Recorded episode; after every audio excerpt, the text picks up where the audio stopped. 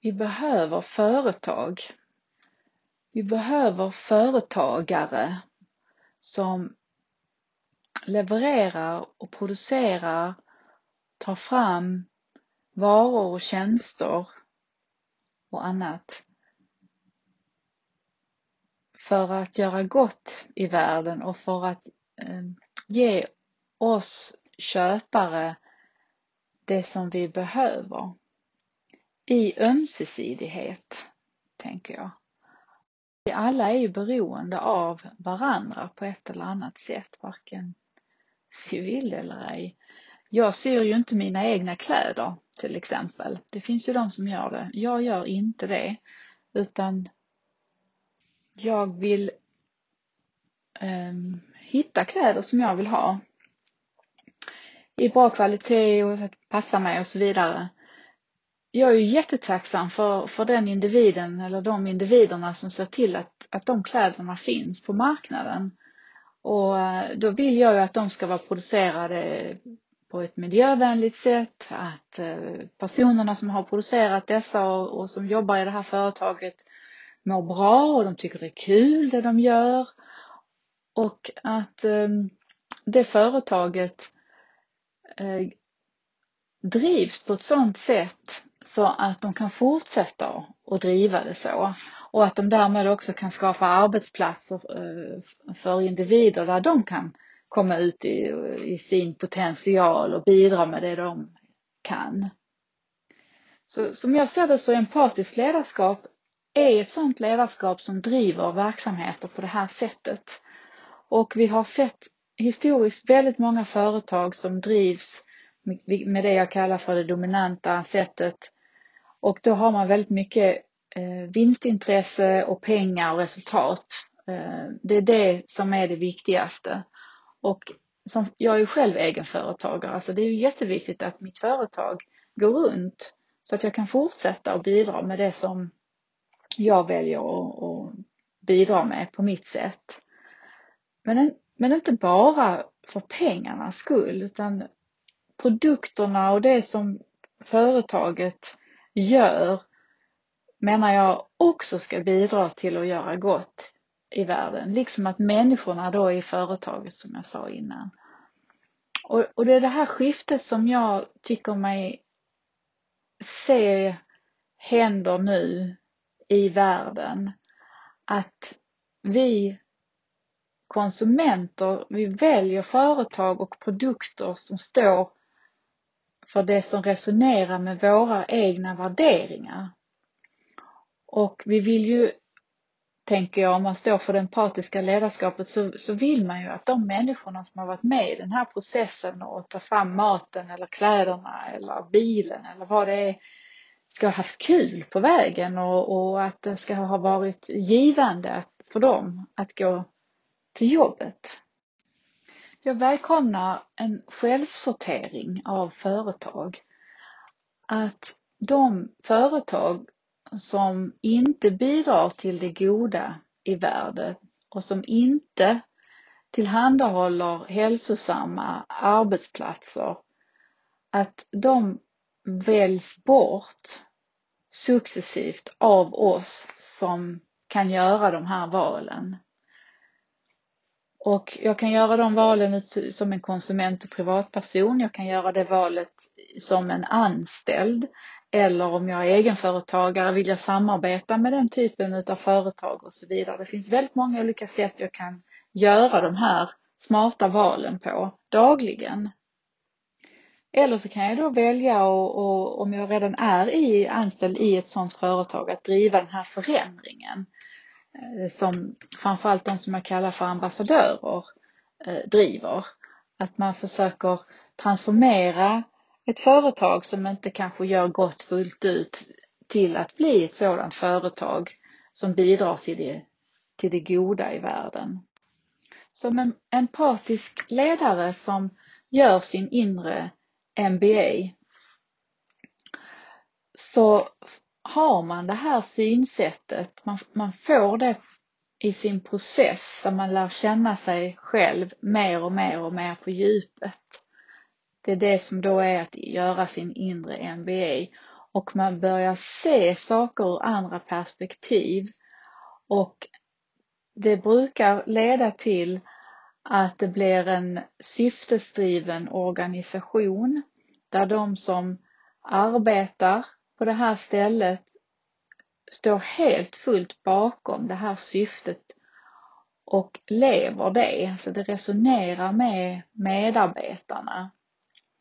Och medarbetarna i ett sånt här företag, de verkligen upplever att de bidrar och får växa och de får väldigt stora möjligheter att utvecklas. Den här empatiska ledaren som driver det här företaget ser till att medarbetarna växer och får tillgång till mer och mer av sin, sin potential som redan finns i dem. Det är ju det som är grejen, att vi alla som går omkring i världen har potential. Och det är tyvärr få som har tillgång till sin fullaste potential för att den ligger gömd i det som kallas för egot eller personligheten. Och när vi är gömda där i det så bara går vi runt, runt, runt i det som vi redan känner till, i det här hjulet som är skapt av vår historia och vår prägling.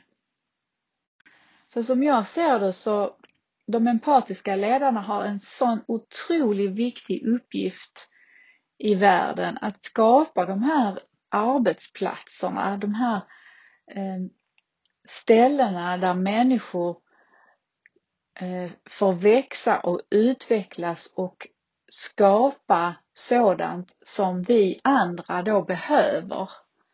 Jag behöver mat till exempel. Jag odlar ju inte all min mat själv. Jag köper endast ekologisk mat och till största delen så äter jag växtbaserad mat och jag sätter så stort värde på när jag kan köpa närodlat, nyodlat eh, mat på det här sättet. Och så de här producenterna i det här exemplet, de, de behöver ju finnas. Jag vill ha dem på marknaden så att jag kan få det jag vill ha och behöver. För jag har valt att inte odla all min mat själv. Jag väljer att jobba med empatiskt ledarskap som jag tycker att det är där jag bidrar mest. Så då gör jag mig beroende av att andra ser till att det finns mat som jag kan handla.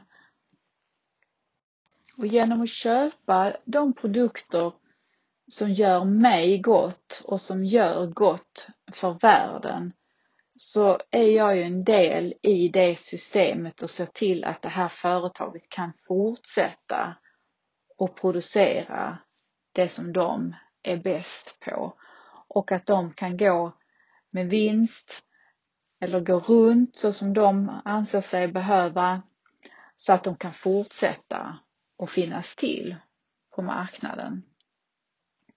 Och i de här eh, företagen och organisationerna som är ledda på, med ett empatiskt ledarskap så är det väldigt vanligt förekommande att man ser det självstyrande ledarskapet, självledande team, platt organisation, det som kan kallas för, för TIL, som Fredrik Laloux skriver om till exempel. Och eh, det krävs en viss mognad för medarbetare att finnas i en sån organisation för att man är ombedd att ta ett, ett eget ansvar. Det är en av grundpelarna i det empatiska ledarskapet att jag tar ansvar för mig och jag fattar beslut och jag står för de besluten. Så i en självledande organisation så tar medarbetarna beslut och de har som en självklarhet mandat att göra det och de gör det. Men för att liksom göra detta så behöver man också ha en, en viss inre mognad för att vara redo för den sortens agerande. jag tror det är en av orsakerna till att Ehm, när en empatisk ledare kommer in i en organisation där det har varit det dominanta ledarskapet så är inte individerna vana att fatta självständiga beslut. Utan det har varit toppstyrt. Eh, beslut har fattats från de högsta i ledningen och inte alltid informerat sig om vad de som står närmst beslutet har för uppfattning och erfarenhet om vilket vägval som är bäst. Och även i det dominanta systemet så, så är det ju tyvärr vanligt förekommande att om någon eh, längre ner i organisationen har fattat ett beslut som, som har visat sig då leda på, på en väg som inte varit så gynnsam så utses gärna syndabockar och det kan bli repressalier för en sån händelse. Så därför så vill man ju inte ta beslut heller. Ehm, så att man vänder sig gärna då till de som är över en i hierarkin. Att ni får bestämma så slipper jag ta ansvar för det. Då är det deras ansvar, Eh, de som sitter högre upp i organisationen. Och de har då betalt för det, för att ta den sortens beslut och stå för det. Och i empatiskt ledarskap med självledande organisationer så är det platt och den här typen av kultur finns inte där utan alla är kapabla att ta ansvar och den som inte har den mognaden att, att kunna vara självgående, vilket som, som man behöver, som man gör i en självledande organisation, då behöver man blicka blicken inåt och göra sitt jobb, alltså göra sin inre MBA, göra sitt inre arbete för att nå den mognaden inom en. Och jag menar på att det kan alla göra, alla har vi det inom oss. Fast vissa sitter så pass fast i sig själva och är inte, de är inte redo att börja smälta isen som jag brukar säga, som är min metafor för det. Och det tänker jag att det får man ha respekt för. Att varje individ gör sin resa här på jorden.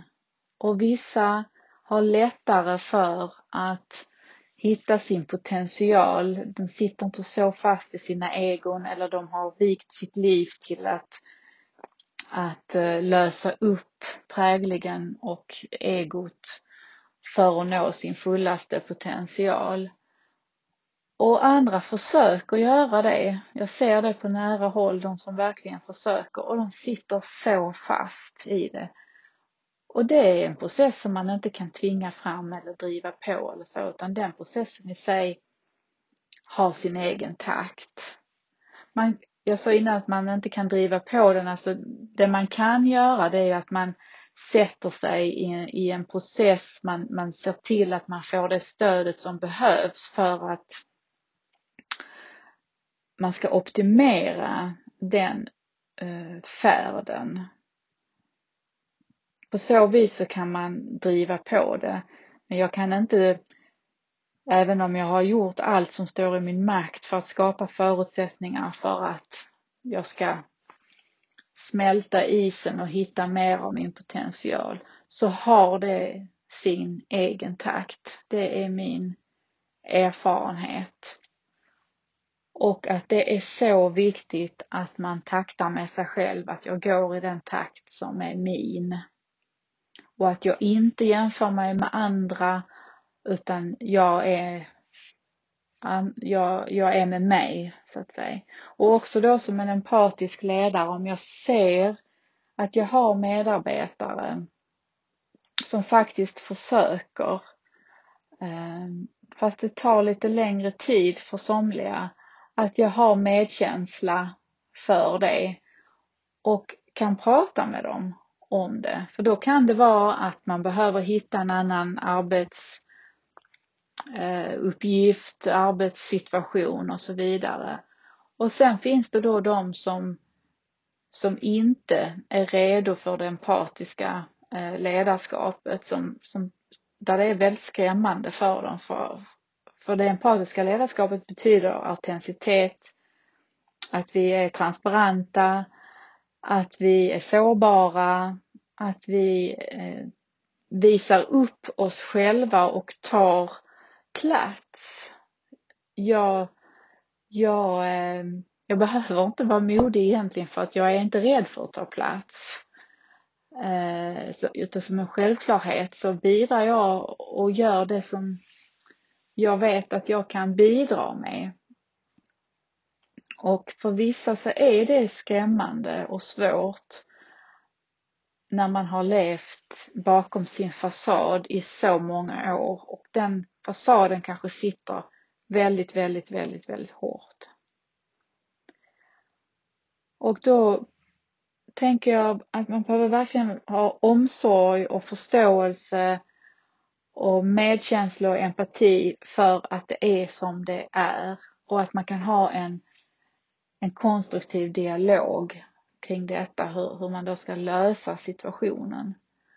Det blir så fel om man, om man nu sätter sig att det empatiska ledarskapet, det är det bästa och det dominanta, det är det fel på.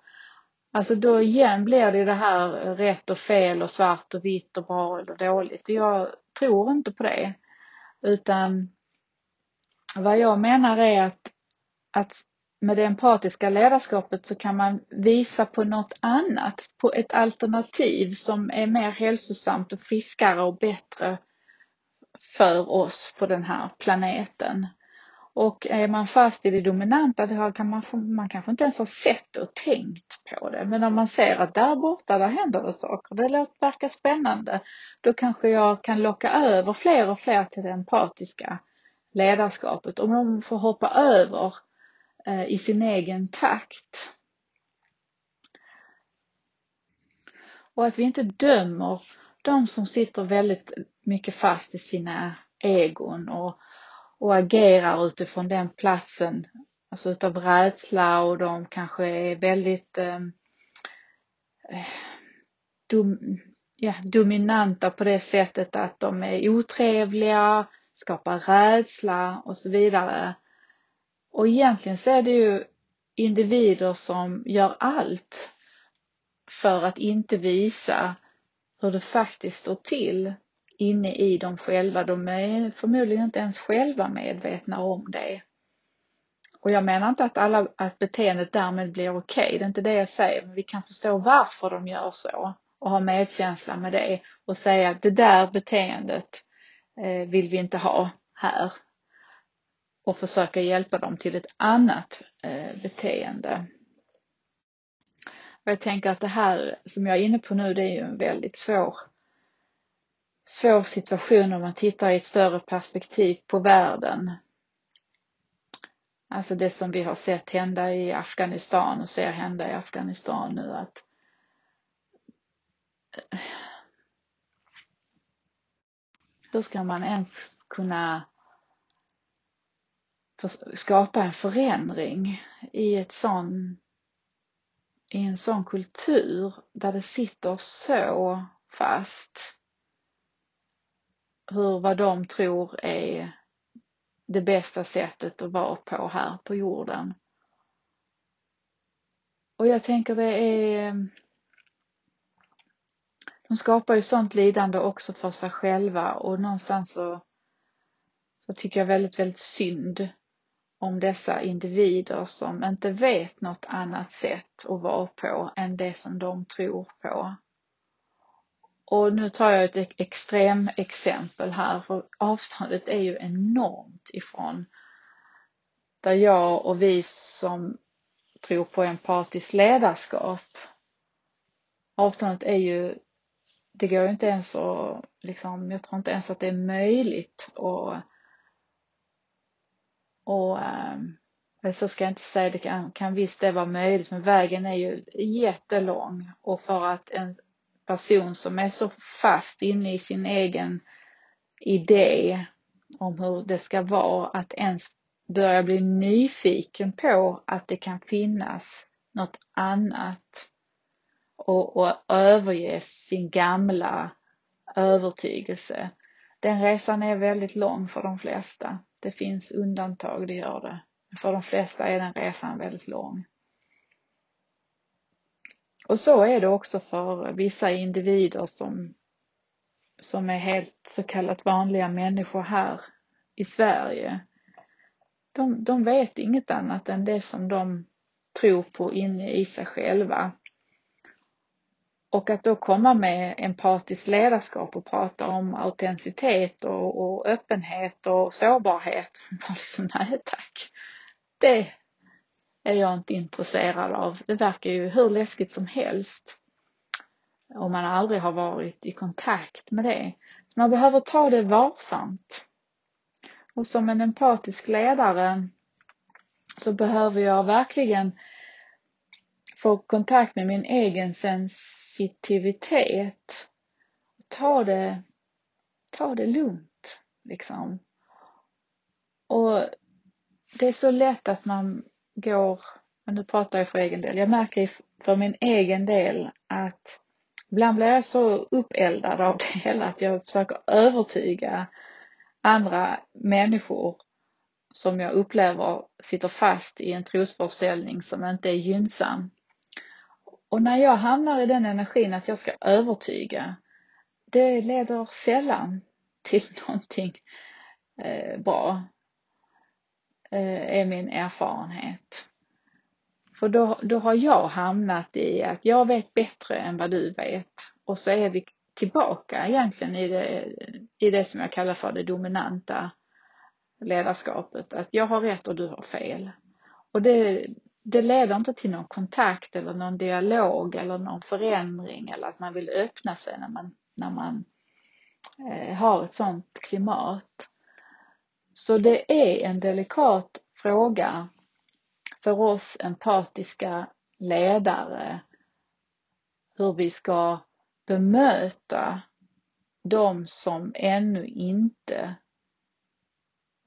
förstår och ser det som är bra med det empatiska ledarskapet eller som blir så rädda egentligen av det fast de inte vet om det själva, att det är rädsla som, som styr. Så det här, det, det är att lyssna på den andra väldigt mycket och, och, och, och skapa en miljö som är trygg, skapa avslappning och att man visar att det är okej okay att säga och vara så som man är. Här är ingen piska på det här stället. Här är tydliga gränser. Och vi, vi jobbar med respekt, integritet och vi är mänskliga. Så inga, inga övertramp eller icke respektfulla beteenden. Det Eh, säger vi stopp till på ett väldigt bestämt och kärleksfullt sätt.